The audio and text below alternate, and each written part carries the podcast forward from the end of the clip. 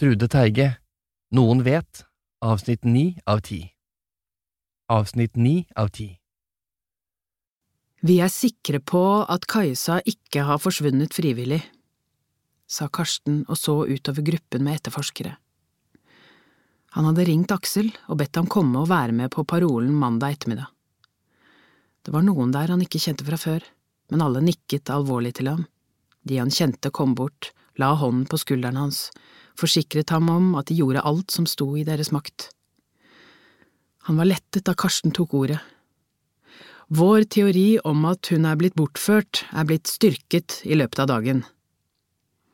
Han klikket på PC-en sin, og et bilde av et skosåleavtrykk kom fram på lerretet på veggen.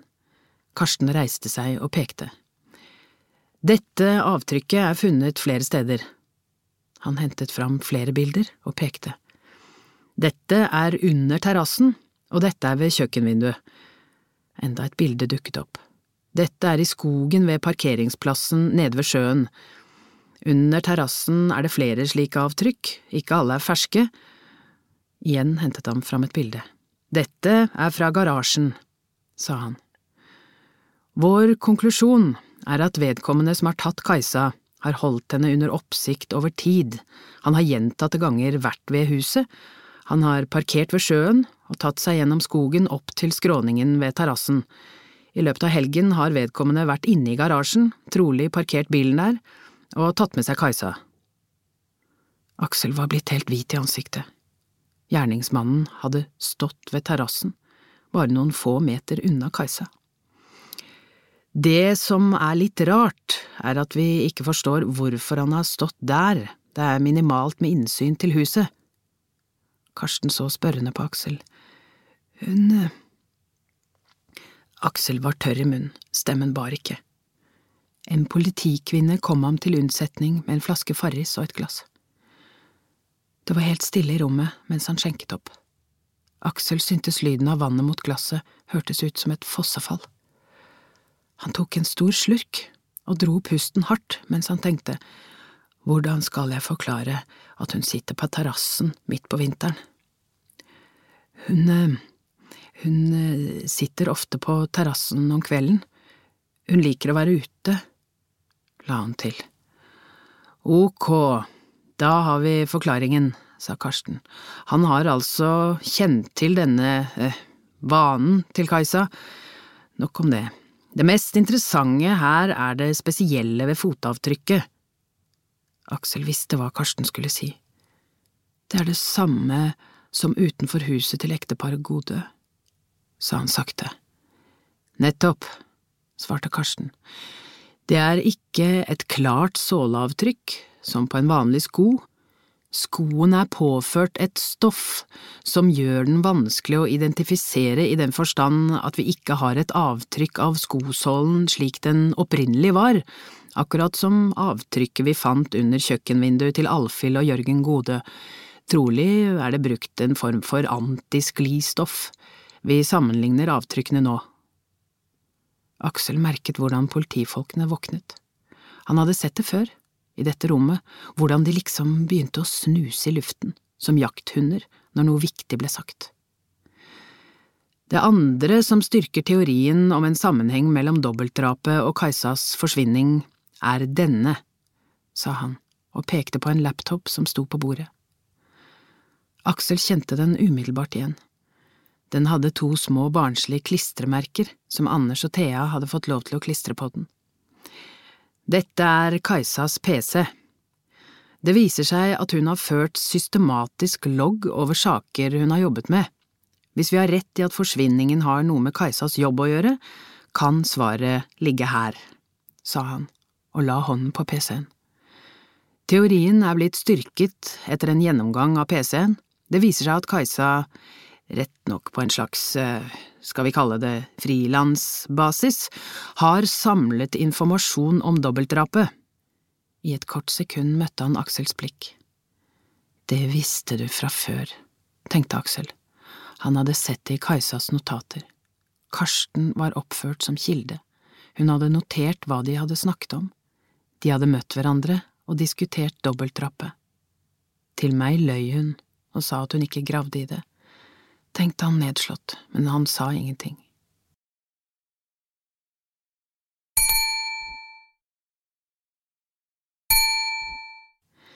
Karsten fortsatte. Hennes interesse for dobbeltdrapet kommer av at hun var tidlig, svært tidlig, på drapsstedet, og han gjorde en pause og så utover etterforskningsgruppen. Hun kom over noe i en annen sak som hun trodde kunne knyttes til drapet. Karsten trykket på PC-en og hentet fram en liste med navn. Aksel kjente igjen navnene fra mappen om barnehjemsskandalen. Dette er personer som Kajsa har hatt kontakt med i sitt arbeid med barnehjemsbarna. Hun hadde kontakt med mange etter å ha laget flere reportasjer om barnehjemsskandalen. Vi har i løpet av dagen fått tak i mange av dem. To som vi ikke har fått tak i, og som er viktige, er disse. Karsten reiste seg og pekte på to navn, Jakob Sperre og Vidar Kvande. Han fortsatte. Jakob Sperre vokste opp på barnehjem og guttehjem. Han ga Kajsa informasjon som hun begynte å grave i. For å gjøre en lang historie kort, Kajsa fant ut at fire personer, tre menn og en kvinne, som alle jobbet på disse institusjonene, var drept. Det stemmer. De er alle på vår liste over uoppklarte, mistenkelige dødsfall. Karsten stanset. Det var helt stille i rommet i flere sekunder før han fortsatte. Og hun mente det var en sammenheng mellom disse drapene og dobbeltdrapet. Så hvis vi finner drapsmannen fra Asker, så finner vi Kajsa? spurte en ung politimann som Aksel ikke kjente. Det er vår hovedteori, svarte Karsten, først og fremst på grunn av skosåleavtrykket. Men eh, det er jo det vi har prøvd på i snart to måneder, å finne drapsmannen fra Asker, var det en som innvendte. Vi har ingen mistenkte, vi står fullstendig fast, vi kommer ingen vei. Det hjelper ikke å ha DNA når vi ikke får noen treff. Karsten overså bemerkningen, pekte på listen over navn. Dette er navn knyttet til barnehjemssaken Kajsa jobbet med. Hvis vi går ut ifra, og det mener jeg vi bør, at bortføringen har noe med sakene Kajsa jobbet med å gjøre, så kan drapsmannen finnes blant de personene Kajsa hadde kontakt med. Karsten pekte igjen på navnet til Vidar Kvande. Det er tydelig ut ifra Kajsas notater om Kvande at han er uvanlig opptatt av henne. Han tok stadig kontakt med henne, ba henne med på middager, oppsøkte henne på jobben, og så videre. Hvem er Kvande? var det en politibetjent langs veggen som spurte. Vet du ikke det? sa en kvinne ved siden av ham. Kjendisen, den gode milliardær. Vidar Kvande ble kjent for det norske folk da han i harnisk over kutt i bevilgningene til Fattighuset i Oslo troppet opp der på julaften for et par år siden med mat og julegaver for 100 000 kroner, sa Karsten. De fattige hadde aldri fått så fine presanger noen gang. Kvande er en finansmann med usedvanlig god teft for å kjøpe aksjer i selskap like før aksjekursen flyr i været, eller motsatt. Han kjøper seg ut av selskap like før aksjekursen stuper.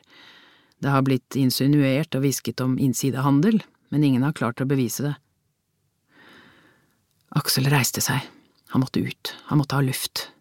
Han hørte Karsten fordele arbeidet mellom de ulike gruppene idet han lukket døren bak seg.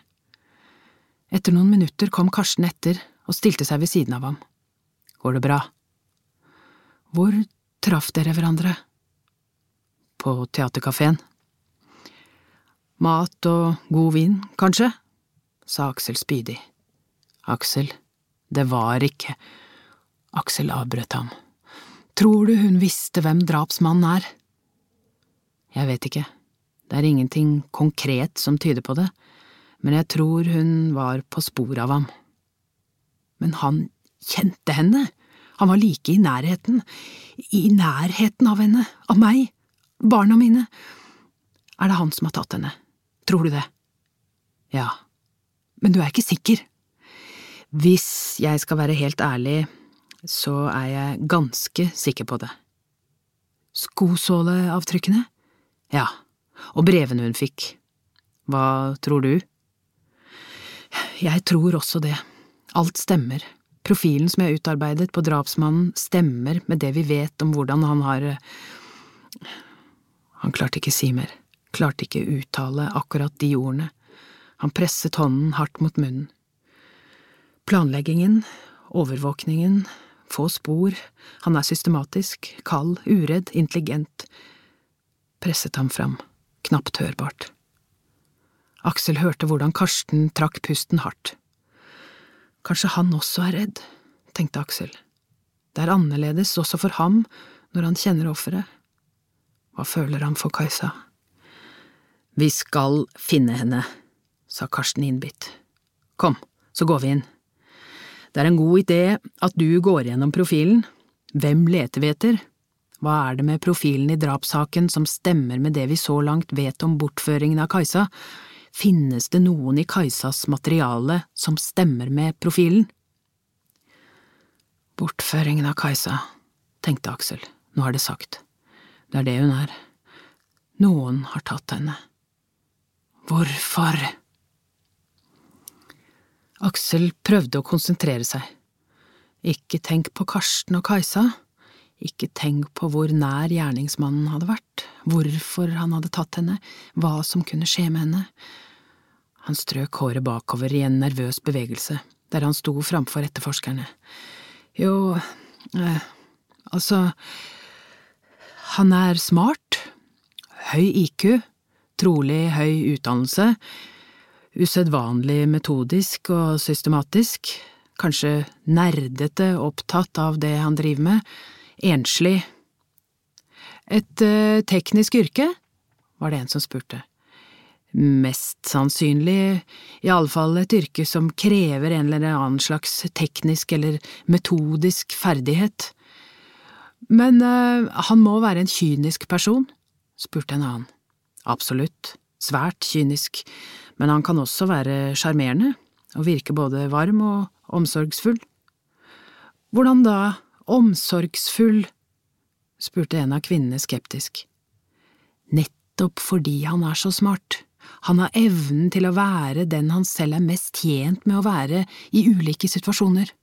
Han er intelligent, han har evnen til å forstå menneskelige relasjoner, til å bruke sjarm og omsorg. Aksel så fra den ene til den andre. La meg gi dere et eksempel. En kvinne i USA drepte to spedbarn og ble mistenkt for å ha tatt livet av mange flere.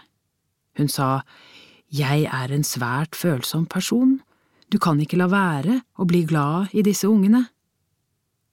Var hun glad i disse ungene?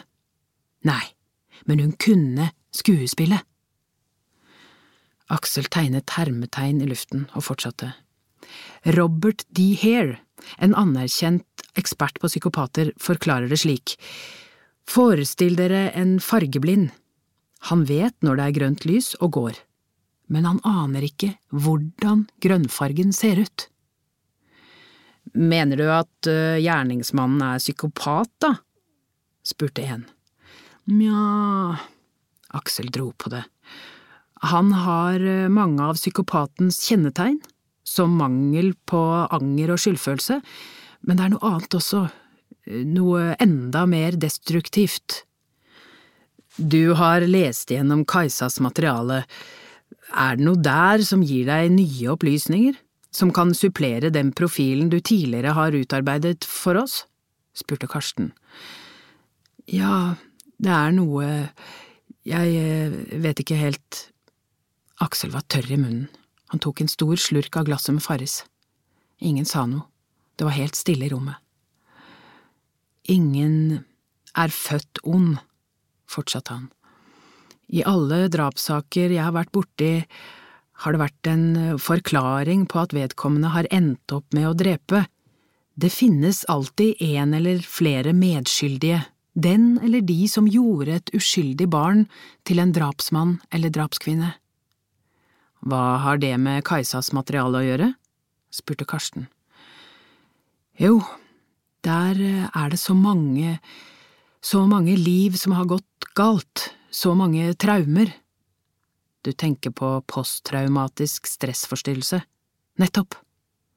At noen av disse barnehjemsbarna kan lide av det? Ja. Forklar, oppfordret Karsten. Hvordan? Ta Sperres historie, for eksempel. Følelsen ved stadig å bli stengt inne. Én slik hendelse kan være traumatisk, men her er den gjentatt, satt i system, påført over lang tid, flere år.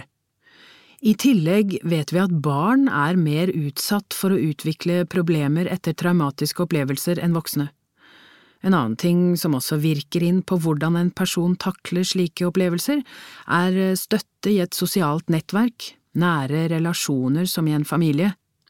I barnehjemsbarnas tilfelle blir dette et slags dobbelt traume, fordi det nettopp er de voksne som skal vise omsorg og trøste, som påfører den traumatiske opplevelsen. Det er en annen ting i Kajsas materiale også sa Aksel sakte og tenkte seg om. De andre drapene har det til felles med dobbeltdrapet at det synes som om gjerningsmannen har vært sammen med ofrene over tid, han har latt dem lide.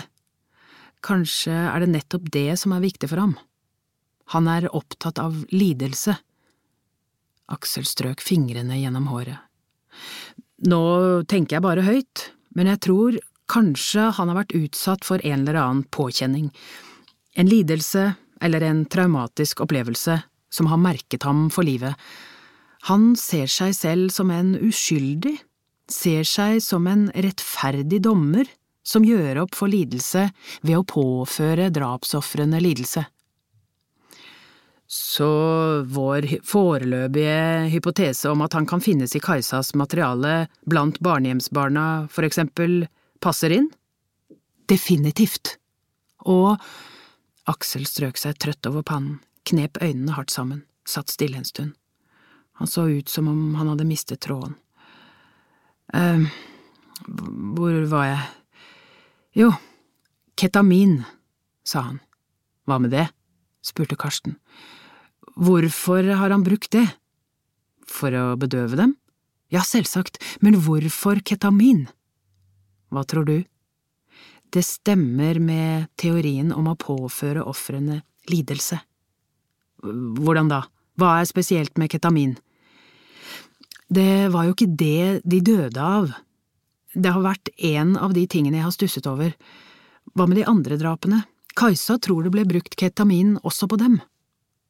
Aksel så spørrende på Karsten. Ja, det ble det, men de døde heller ikke av det. De døde av drukning. Inge Sorte ble dopet, kastet på sjøen levende og druknet.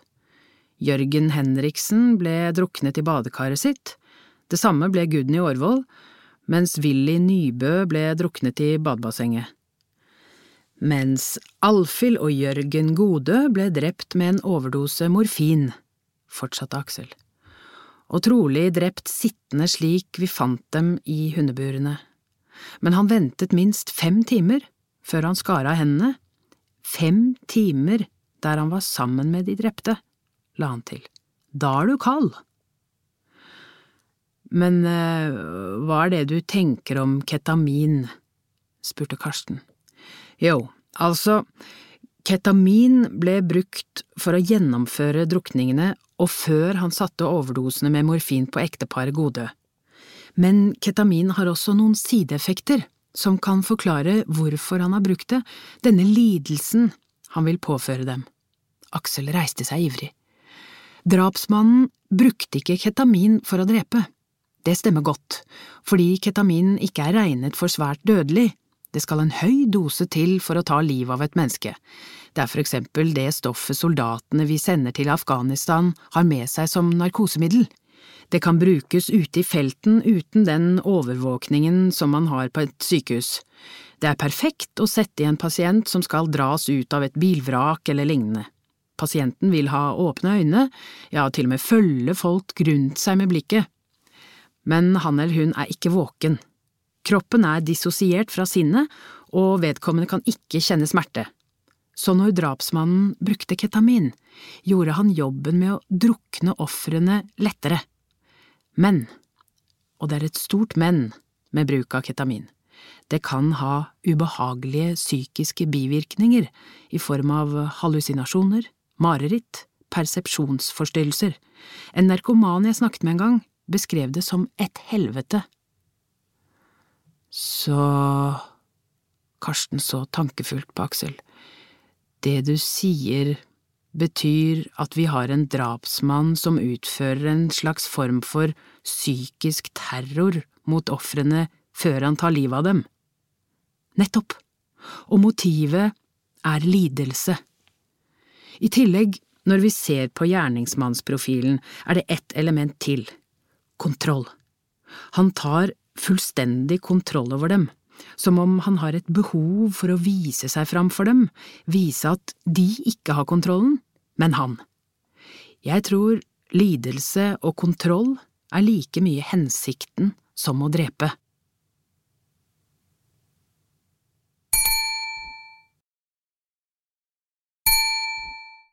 Hun hadde vært full av spørsmål. Hvem er du? Hvorfor gjør du dette mot meg? Hva vil du med meg? Han hadde ikke besvart noen av dem, bare smilt vennlig til henne. Han fortalte henne at hun måtte sove i boden, og hun måtte være der når han gikk på jobb. Men hvis hun gjorde som han sa, og for eksempel ikke prøvde å forlate ham, så skulle hun få komme ut av boden når han var hjemme. De leter etter meg, sa hun da. Politiet leter etter meg, de kommer til å finne ut hva som har skjedd, sa hun. Stemmen hennes avslørte henne. Hun trodde ikke på det selv. Å nei, det gjør de nok ikke, svarte han og smilte overbærende. Hvordan skal de kunne finne deg? De vet jo ikke engang hvem jeg er. De kommer aldri til å finne deg. Hva mener du? Aldri? Hun fikk ikke noe svar. Han bare smilte vennlig. Hva vil du meg? spurte hun da. Jeg vil at du skal vite. Hva da? Alt. Du skal få vite alt. Om hva da? Du må være tålmodig. Hvorfor? begynte hun, men han avbrøt henne. Hysj nå, sa han og holdt fingeren mot munnen hennes. Hun trakk seg redd unna ham. Det irriterte ham men så tok han seg sammen og tenkte det var naturlig. Snart ville hun ikke være redd. Snart ville hun være på hans side.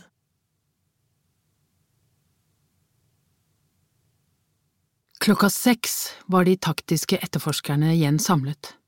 Karsten, Aksel, en etterforsker fra Kripos og fem politibetjenter hadde brukt en time på å gå grundigere gjennom materialet fra Kajsas PC. De hadde brukt mest tid på å diskutere Kajsas notater der hun hadde notert ned egne tanker og spørsmål knyttet til de to sakene. Mye av det hun skrev var vanskelig å tolke. Nå var det opp til Karsten å legge opp strategien for den videre etterforskningen. Ok, hør etter alle sammen, sa Karsten. Vi skal jobbe etter følgende teori. Kajsa tror altså at det er en sammenheng mellom fire uoppklarte drap. Det er drapene på Karsten sjekket papirene sine, Willy Nybø, Gudny Aarvold, Jørgen Henriksen og Inge Sorte. Disse sakene skal gjenåpnes. I tillegg antyder Kajsa at det er en sammenheng mellom disse sakene og dobbeltdrapet i Asker. Vi skal forfølge den teorien, vi må finne Jakob Sperre og Vidar Kvande. Vi må få Sperre til å utlevere kartoteket med barnehjemsbarna og sjekke disse opp mot de stedene de fire drepte arbeidet. Vi skal også undersøke om noen av dem har hatt kontakt med Kajsa. Igjen så han ned i papirene foran seg på bordet. Kajsa stiller også spørsmål ved drukningsulykken der Arne Slettemoen omkom. Han så over brillekanten. Alt dette står i oversikten dere har fått, dere har lest det? Alle nikket. Som dere ser, kaller hun de seks som var til stede da Slettemoen druknet, for gjengen. Vi må finne ut hvem alle var. Vi vet at ekteparet Godøs sønn, Arvid, var med i denne gjengen. Akkurat da ringte telefonen til Karsten. Han så på displayet og svarte. Ja vel, hva står det? Karsten noterte på blokken foran seg. Ja vel. Ok, takk. Han stakk telefonen i lommen og så på Aksel. Teknikerne har funnet brevet, det som du fant konvolutten til, sa han og så på Aksel. Hvor, hva står det? I regnkåpen til Kajsa. Og det står, han leste fra blokken, Du har funnet meg, eternity. Det ble helt stille i rommet. Alle visste om konvolutten de hadde funnet. Aksel bøyde hodet og strøk seg trøtt over pannen. Det var… det er… eh, parfymen hennes. Han sank sammen. Ingen sa noe. Det var helt stille. Alle så på ham. Han åpnet og lukket hendene, så slo han oppgitt ut med armene. Han… eh, han vet hvordan…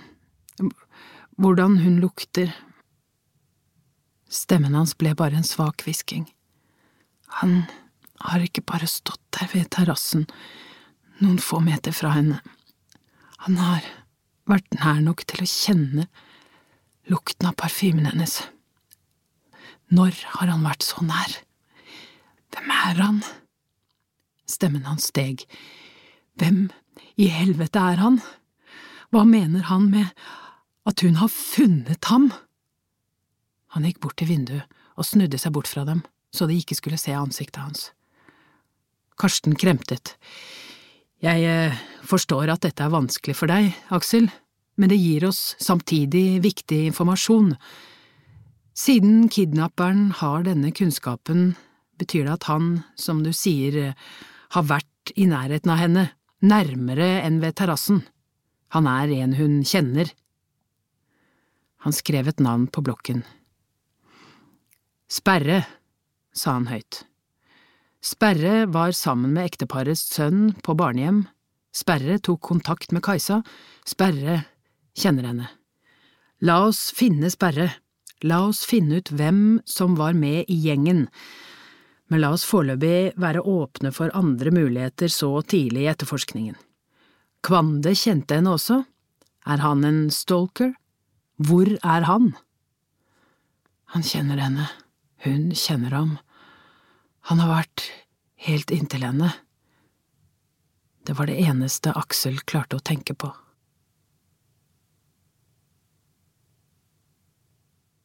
Hun var fremdeles redd. Han så det, men han registrerte også litt etter litt at ansiktet hennes endret uttrykk, at kroppsspråket ble mindre forknytt. Han fortalte om årene på barnehjem og guttehjem, om den konstante sulten, om avstraffelsen når han tiste i senga, om lengselen etter at noen skulle bry seg om ham, være snill mot ham. Da han skulle fortelle om kottet under trappa, ble det vanskelig for ham å finne ordene. Han hørte selv at stemmen hans ble grøtet. Et kort sekund møtte han blikket hennes idet han bøyde seg fram og skjenket mer vin i glasset hennes. Han så det, da. Så at han rørte ved henne. Øynene hennes gjenspeilet hans egen smerte. Det var dette han hadde drømt om at hun skulle vite, at hun skulle forstå, at hun skulle se ham. Hun var helt rolig da han låste henne inn i boden. Er det derfor jeg er her? hadde hun spurt. For å høre din historie? Ja, noen må vite, noen må kjenne meg.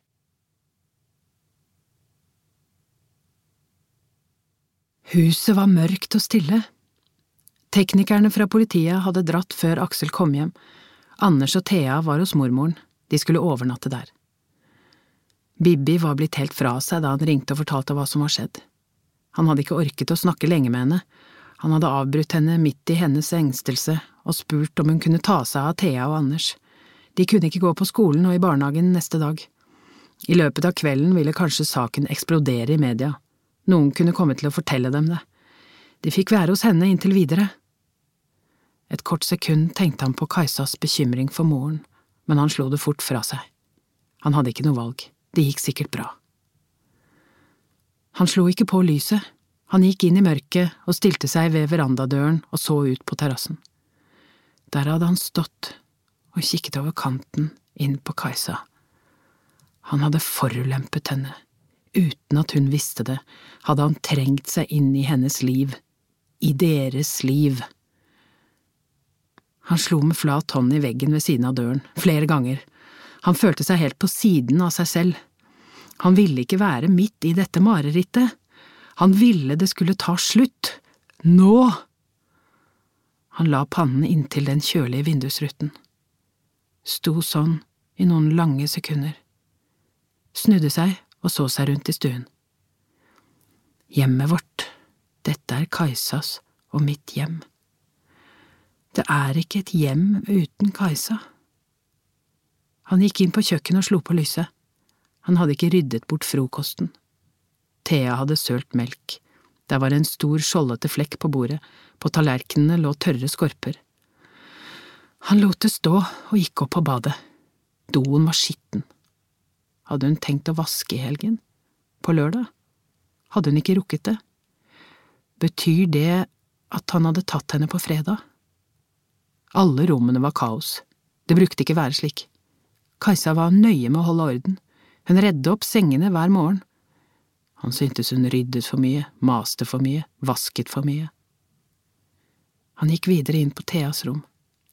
Hun hadde dratt klær ut av skapet og spredt dem utover gulvet om morgenen. Han lot det være og gikk videre inn på sitt og Kajsas soverom. Gardinene var fremdeles trukket for, senga uoppredd. Han åpnet døren til Kajsas klesskap, bøyde seg fram, dro til seg klærne som hang der, begravde ansiktet i dem. De luktet Kajsa, de luktet parfymen hennes.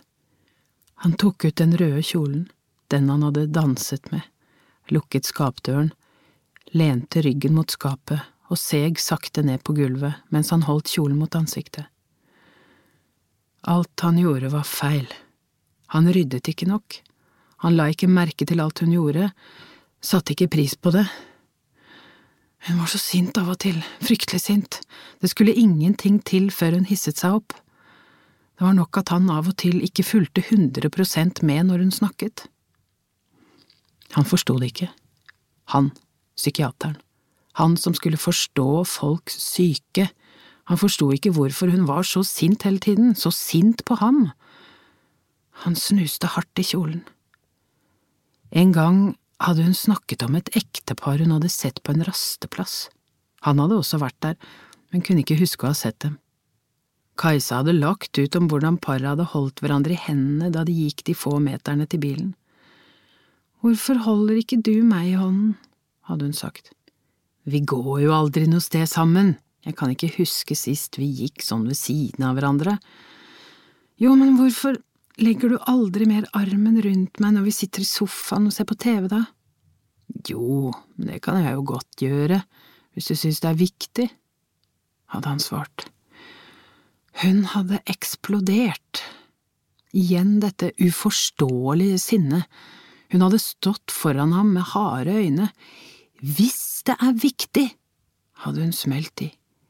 Viktig! For meg, du skjønner ingenting, du, du er så, så, så innmari… Det er jo nettopp det, at det skal være viktig for deg. Du skal vel ikke gjøre det for å blidgjøre meg, da er det jo ikke ekte. Ah, nærhet, Aksel!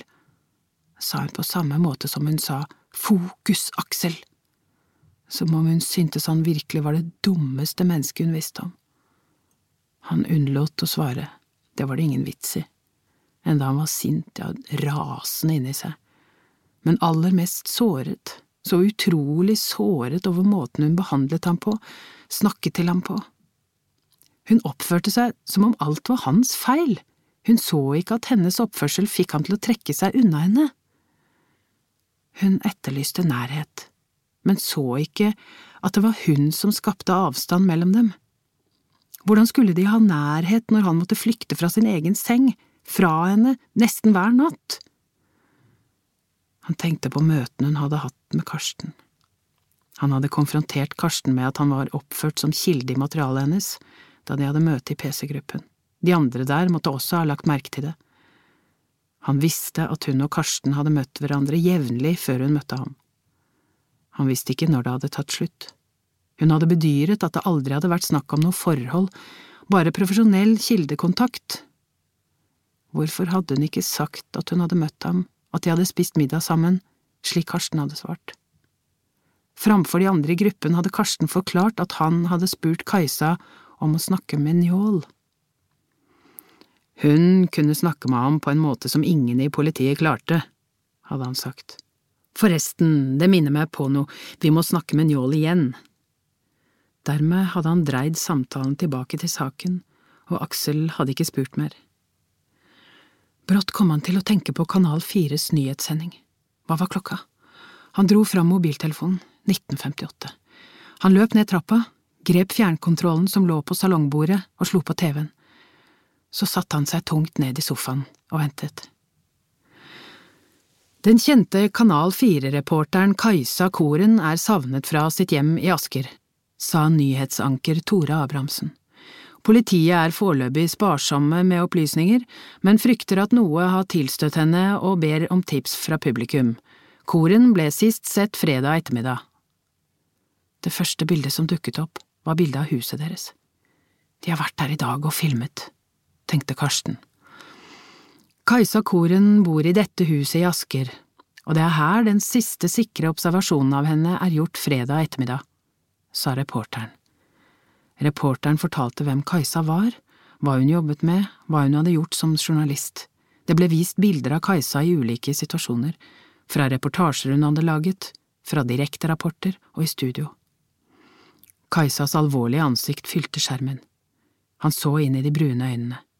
Blikket varierte, alvorlig når hun snakket om Trygve Jonsruds illebefinnende, skarpt når det handlet om eldreomsorg, nesten forurettet, anklagende i en standup i en reportasje om kreftsyke barn som måtte ligge på gangen på Rikshospitalet. Så kom det et klipp fra dokumentaren om Alfhild og Jørgen Gode. Hun sto i fjøresteinene med havet rullende i bakgrunnen. Vinden blåste håret hennes foran ansiktet. Hun pekte utover, så kom stemmen hennes. Her, med sjøen rullende rett inn fra Atlanteren, vokste Alfhild og Jørgen Gode opp før krigen, sa hun. Ansiktet hennes var alvorlig, men det var noe energisk over kroppen hennes, som om hun ikke klarte å stå helt i ro. Hun hører til der, tenkte han, ved havet. Hvorfor hadde han aldri tenkt slik på det før? Vi skulle kjøpt båt, tenkte han. Hun hadde mast om det i årevis. Det hadde vært så fint å komme seg ut på sjøen av og til, hadde hun sagt. Det trenger ikke være en stor båt, bare en liten, til søndagsturer på fjorden, en med påhengsmotor. Han var ingen havets mann, han hadde ikke ønsket seg båt. Så fulgte et intervju med Karsten Kjølås. Reporteren spurte ham om politiet mente Kajsa Koren kunne være utsatt for noe kriminelt. Vi holder foreløpig alle muligheter åpne, men etter det vi har grunn til å tro, er det ingenting som tyder på at koren ville dra noe sted uten å etterlate seg beskjed. Vi ber derfor publikum om hjelp. Et telefonnummer til tipstelefonen kom opp på skjermen. Kan det være grunn til å frykte at hun er utsatt for noe kriminelt? spurte reporteren. Som sagt, vi holder alle muligheter åpne på det nåværende tidspunkt. Kan denne forsvinningen ha noe med hennes virke som journalist å gjøre, med saker hun har jobbet med? Det kan vi ikke se bort ifra, og det er noe vi selvsagt undersøker. Reportasjen fortsatte med et intervju med Geir Hermansen, som ga uttrykk for kollegenes engstelse for hva som hadde skjedd med en høyt verdsatt kollega og en dyktig journalist. Reporteren avsluttet med bilder av Aksel og Kajsa tatt på vei til en eller annen fest. Han holdt armen rundt skuldrene hennes, hun lente seg inntil ham, de smilte mot kamera. Så lykkelig vi ser ut, tenkte han. Kajsa Koren er gift med den kjente psykiateren Aksel Koren, sammen har de to barn på fire og sju år, sa reporteren.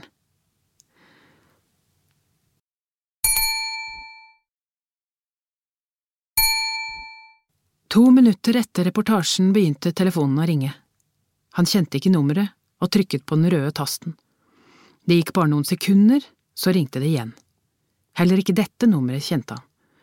Han trykket nok en gang på avvis. Så gikk det ett minutt, og telefonen ringte nok en gang. Det var Bibi, Kajsas mor. Er det noe nytt? spurte hun. Stemmen hennes var tynn av engstelse. Nei, svarte han, ikke noe nytt. Det ble stille i den andre enden. Men eh, politiet jobber alt de kan, alt tilgjengelig mannskap er på saken, og vel så det, la han til. Han hørte at hun gråt. Det går bra, de finner henne nok, hørte han seg selv si. Tror du? Hun ville bli beroliget, hun ville ha håp. Det kjentes som om han tok ut sine siste krefter da han svarte ja, jeg kjenner dem som jobber med saken, folk fra Kripos også, de er de beste vi har her i landet, til sammen over 100 politifolk. Jeg tror virkelig at det kommer til å gå bra, vi må holde motet oppe, ikke gi opp. Det er så godt å høre deg si det, det gjør så godt når, når du er så rolig, snufset hun. Og ikke tenk på barna, det, det går helt fint, de, de kan være her til alt dette er over, la hun til. Takk, Bibi, vi snakkes i morgen. Han ble sittende med mobilen i hånden. Rolig. Jeg? I det samme ringte telefonen på nytt. Det var Kjell Lauritzen, Aksels gamle studiekamerat. Er du alene? Det var som vanlig rett på sak med Kjell. Ja. Du, jeg kommer med en gang. Du trenger ikke… Slutt å tulle, jeg er på vei. 20 minutter senere ringte det på døren. Aksel åpnet i den tro at det var Kjell, men utenfor sto en journalist og en fotograf. Hei, vi kommer fra VG, har du noen mistanke om hva som har skjedd med Kajsa? Aksel ble fullstendig overrumplet. Nei, svarte han og begynte å lukke døren. Var du den siste som så henne? spurte journalisten. Ja, trolig, svarte han. Når var det da? På fredag, da jeg og ungene dro på helgetur, men nå må jeg lukke døren sa han bestemt. I det samme knipset fotografen. Han slo av mobiltelefonen, trakk ut ledningen på fasttelefonen, slo av TV-en og gikk ut på terrassen. Han ble stående og se utover fjorden. Kveldene var blitt merkbart lengre nå. Det var helt stille, ikke et vindpust. Hadde hun vært hjemme, ville hun sittet her, garantert. Hun ville kommet inn og begeistret fortelle hvordan luften hadde forandret seg, at dueparet var kommet i bjørka. Det er sommer i luften, ville hun si med glad stemme. Hun ville sittet der med koppen, latt som om hun drakk te, men han visste det nok, at det var vin hun drakk, han hadde gjennomskuet henne for lenge siden. Hun drakk for mye, han forsto ikke hvorfor, men han hadde ikke sagt noe, orket ikke flere konfrontasjoner, lot henne tro hun drakk i hemmelighet. Han hørte en dør som slo, så føtter som løp opp kjellertrappa. Kjell kom ut til ham, ga ham en real mannfolkklem. Som du ser ut, sa han, når sov du sist? Natt til søndag. Ok, inn og legg deg på sofaen. De gikk inn på stuen, og Aksel gjorde motstandsløst som Kjell sa. Først nå kjente han at det verket i kroppen. Kjell hentet pleddet som lå i stresslesen, la det over ham. La oss ta det praktiske først, sa Kjell. Har du gitt beskjed til dem som trenger det? Hvem? Familien? Foreldrene dine? Shit, det har jeg glemt. De har sikkert ringt. Jeg har dratt ut kontakten og slått av mobilen. Ok, jeg kjenner jo dem, jeg ringer. Hvem andre? Kjell, jeg klarer ikke å tenke. Barnehagen, skolen, sekretæren din… Nei, ingen av dem. Eh, jeg har glemt det også. Pasientene mine. Jeg skulle hatt forelesning i dag, jeg… Ikke tenk på det, jeg ordner det. Hvor finner jeg nummeret til rektor på skolen? Styreren i barnehagen? På tavlen på kjøkkenet. Jeg ringer. Hvordan kunne jeg glemme å ringe? Min mor. Slapp av, tenk deg om, dette kan du jo alt om. Du er i sjokk, du er på siden av deg selv, du klarer ikke å forholde deg til livet ditt på en normal måte, du veksler mellom å være sint og redd, du er labil, du tenker bare på hva som har skjedd med Kajsa, hvor hun er, hvem som har tatt henne. Urinstinktene dine slår inn for fullt. Du må finne henne. Det er normalt. Det er smertefullt, for det er kvinnen din. Min kvinne. Kjell så oppmerksom på ham. Er det derfor jeg er så redd, så sint?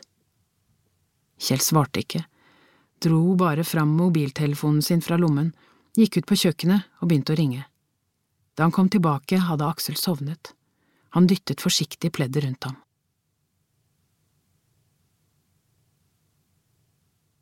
Kajsa måtte være i boden hele mandagen mens han var på jobb. Men utpå ettermiddagen orket han ikke mer. Han lot som om han var blitt syk, og gikk hjem. Han hadde så mye han ville fortelle henne. Det ville ta tid. Han handlet mat på vei hjem. Han skulle lage ovnsbakt indrefilet av svin, rullet inn i spekeskinke med soppstuing og fløtegratinerte poteter. Det irriterte ham at hun ikke sa noe mens de spiste, var bare helt stille, satt og pirket i den gode maten. Hun kunne vel spørre ham hvordan hans dag hadde vært, kommentere at han hadde bestrebet seg på å gjøre det hyggelig.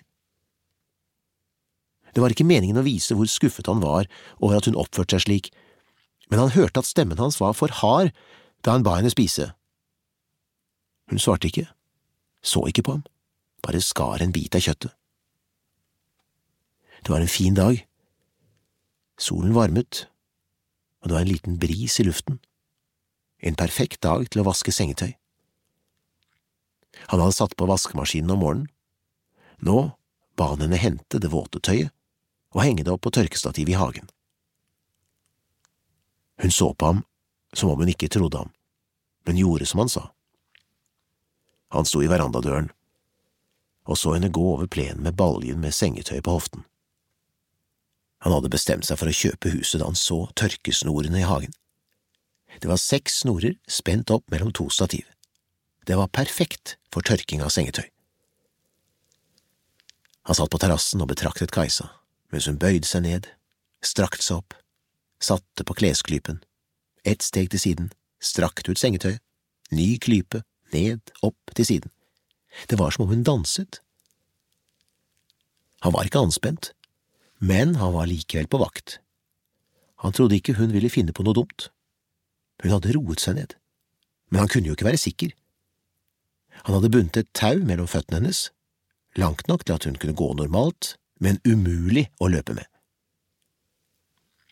Solen traff det hvite sengetøyet, fikk det til å skinne, ga ekstra lys til ansiktet, til håret hennes. Bildet var akkurat så vakkert som han hadde håpet. Det oste av ro og velvære, et normalt, hverdagslig liv, en kvinne som hengte tøy til tørk i solen. Det var bildet på alt han lengtet etter. Han var midt i fortellingen om Satan da hun avbrøt ham. Jeg hadde rett, sa hun. Hvordan da? Du tok livet av ham. Ham og de tre andre. Du straffet dem som ingen andre straffet. Så du skjønte det? Ja, sa hun. Så fortalte han om kjelleren til Willy. Det var vanskelig. Verre enn han hadde tenkt seg. Han hadde aldri fortalt noe menneske om det som skjedde. Innimellom måtte han stanse opp, tenke, lete etter ordene. I en slik tenkepause sa hun, Du var slaven. Det svartnet for ham. Forsto hun ikke hvor vanskelig det var å fortelle om dette, om overgrepene, om fornedrelsen, om skammen? Raseriet var tilbake. Han hatet det navnet. Han ville aldri høre det igjen. Og så hadde hun, hun av alle, brukt det om ham. Han hevet armen og slo henne hardt i ansiktet. Så skuffet ble han. Hun kreket seg sammen i sofaen, holdt armene rundt hodet. Hold kjeft! skrek han. Hun sank sammen. Sa ingenting. I boden! sa han med stramme lepper og reiste seg. Han tok henne hardt i armen og åpnet døren til boden. Jeg vil ikke inn dit! ropte hun plutselig og begynte å slå på ham. Han slo henne igjen og dyttet hardt, så hun falt på gulvet. Jeg er så lei meg, snøvlet hun. Jeg visste ikke at… Jeg er lei meg for… Han smelte igjen døren, låste og slo av lyset. Nå kunne hun sitte der og kjenne hvor vondt det var å være alene i mørket. Tirsdag våknet Aksel til duften av egg og bacon. Kajsa! Han sparket pleddet til side og sprang ut på kjøkkenet. Der sto Kjell ved komfyren. Han lente seg tungt med armen mot dørkarmen, la pannen inntil hånden, lukket øynene. Sett deg, så skal du få mat, sa Kjell. Jeg orker ikke, jeg vet det, du er ikke sulten, du har ikke lyst på mat, men mat må du ha, du duger ikke til noe uten mat. Han plasserte stekepannen på bordet, og Aksel satte seg tungt på stolen. På bordet lå avisene. Han dro til seg VG. Bildet av ham selv i døråpningen fylte hele forsiden. Ektemannen fortviler, den siste som så Kajsa, sto det med store typer. Han studerte bildet av seg selv. Han så gammel og herjet ut. Han bladde om.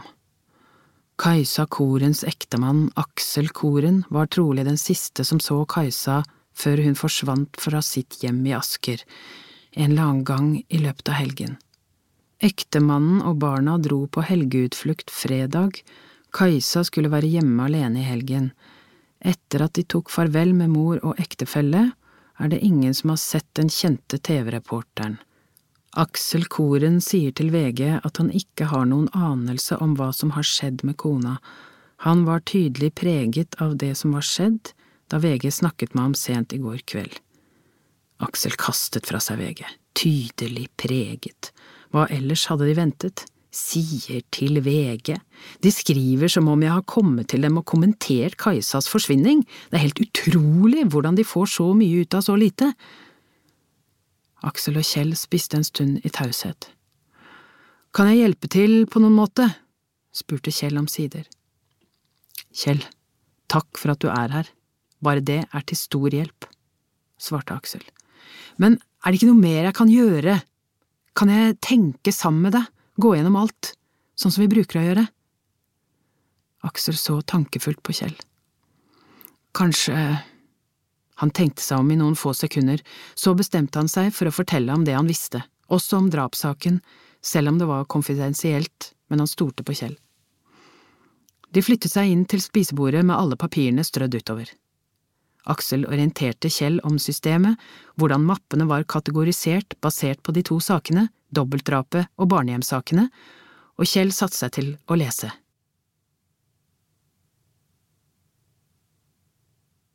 Jeg vil hjelpe deg, sa hun.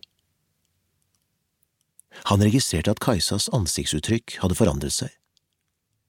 Det var kommet noe underdanig over henne. Hun lot ham til og med stryke henne over kinnet uten å vende seg bort.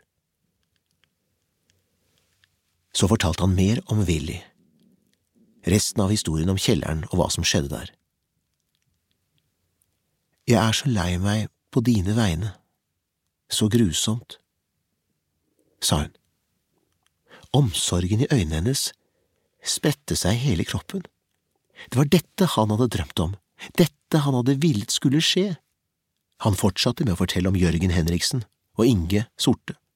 Det gikk lettere nå. Begge var helgevakter og jobbet i feriene på to av de stedene han var, to guttehjem. De var pedofile, det skjønte han jo i dag. De ødela flere barn, ikke bare ham. Men Gudny, da? Gudny, ja. Et ondskapsfullt menneske. Ond, virkelig ond. Men hva gjorde hun deg? Meg?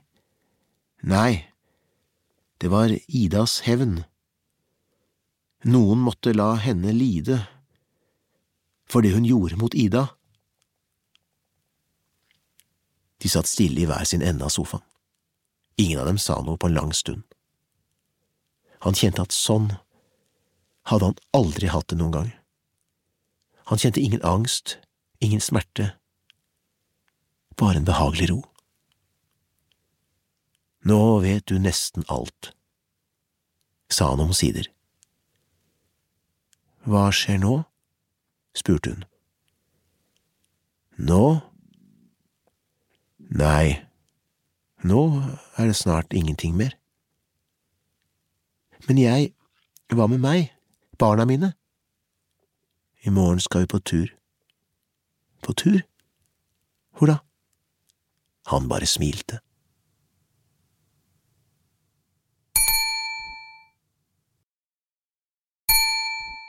Kjell og Aksel satt hele formiddagen og leste gjennom utskriftene fra Kajsas pc.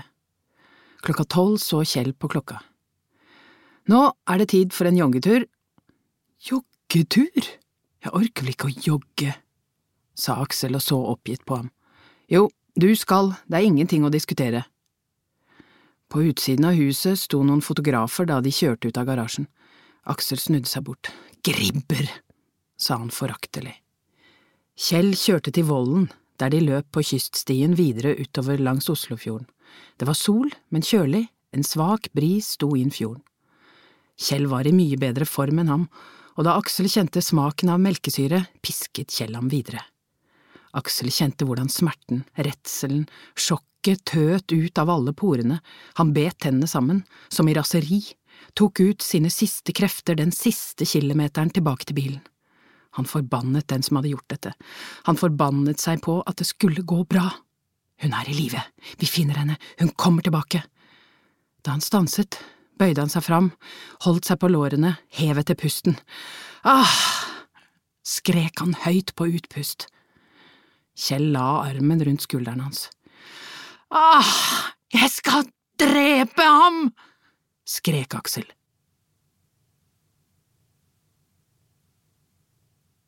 Hva skjedde med Arne Slettemoen? Han så forbauset på henne. Vet du om det? Hun nikket. Jeg var eh, bare ti år gammel. Nesten elleve, sa han og ble fjern i blikket. De hadde vært på nok en utflukt med fritidslederen. Han husket ikke lenger hvor, bare at det var til en hytte som lå helt nede ved sjøen. Det var vakkert der, men ingen av de seks guttene hadde gledet seg. Denne kvelden tok Slettemoen bare for seg én, ham. Etterpå ble han sittende sammen med de andre guttene lenge. Han prøvde å ikke gråte, men da et par av dem la armene sine rundt skuldrene hans, klarte han ikke å la være. Han gråt og kastet opp samtidig.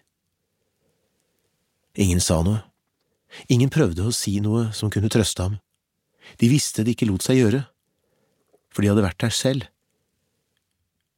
Vi hadde alle kjent den vonde smaken av å ha ham i munnen, kjent kvalmen over lukten av ham. Vi ble sittende stille lenge, ventet til han sovnet i stolen på bryggen. Ikke et ord sa vi til hverandre. Hva kunne vi vel si? En eller annen sa plutselig jeg kommer til å drepe ham. Jeg også, hvisket en annen. Ordene fløy mellom dem. Vi kan gjøre det nå, hvordan da?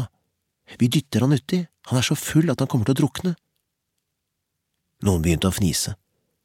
Da ville han blitt forskrekket, da. Forskrekket? Nei, da ville han blitt død, sa en. Bemerkningen utløste en kollektiv latter. De lo og lo, de la hånden for munnen, men latteren var ikke til å stoppe, den trengte seg opp og fram, som fra en kilde langt inni kroppen et sted. Det var små lattervulkaner som hadde ligget i dvale så lenge at ingen visste at de fantes. Nå hadde de fått et uforutsigbart utbrudd, og ingenting kunne stoppe latteren fra å renne over, den rant utover kroppen deres og dekte til alt det som var til å gråte over. Etter en lang stund rettet de ryggene, og latteren avtok så var det en som sa at han virkelig mente at de skulle gjøre det. Alle stemte i. Det var som en lek alle var med på. De diskuterte fram og tilbake hvordan de kunne gjennomføre det. Ordene fløy gjennom luften mellom dem. Latteren var erstattet av et innbitt raseri. Det vokste i hver enkelt, ble til et stort fellesskap, helt til de reiste seg og sakte gikk mot bryggen. Vi snakket ikke sammen. Vi gikk bare helt fram til stolen der han lå og sov. Jeg husker at vi sto lenge og så på ham. Jeg kjenner fortsatt avskyen, skammen jeg følte. De hadde på ingen måte blitt enige om hvordan det skulle skje, ikke nøyaktig planlagt hvordan de skulle få ham uti, hvem som skulle gjøre hva. De visste bare at de ikke hadde noe valg, de måtte gjøre noe. De holdt ham ikke ut lenger. Etterpå kunne han ikke huske så mye av hvordan det gikk til, men på et eller annet vis hadde de klart å dytte ham i vannet. En av dem hadde vært forutseende nok til å åpne buksesmekken hans, så ser det ut som han hadde stått og pissa. Problemet var at han våknet da han traff det kalde vannet. Han kavet seg inn til brygga og begynte å heise opp, mens banneord tøt ut av munnen hans. En av dem grep fatt i en åre som lå på bryggkanten, og slo ham i hodet. Jeg husker vi sto og så på kroppen som lå og fløt i vannet. Jeg følte en intens lettelse over å vite at han aldri mer kunne gjøre meg vondt. Etterpå gikk de og la seg, uten å snakke om det de hadde gjort. Neste morgen avtalte de hva de skulle si, gikk til den nærmeste gården og meldte fra at fritidslederen var forsvunnet. Han ble funnet senere på dagen. Saken ble etterforsket av politiet, som kom fram til at mannen trolig hadde urinert fra bryggekanten, falt og slått seg i hodet og druknet. Var det du som slo til ham? spurte Kajsa. Jeg? Nei, det var Jakob. Jakob Sperre? Ja.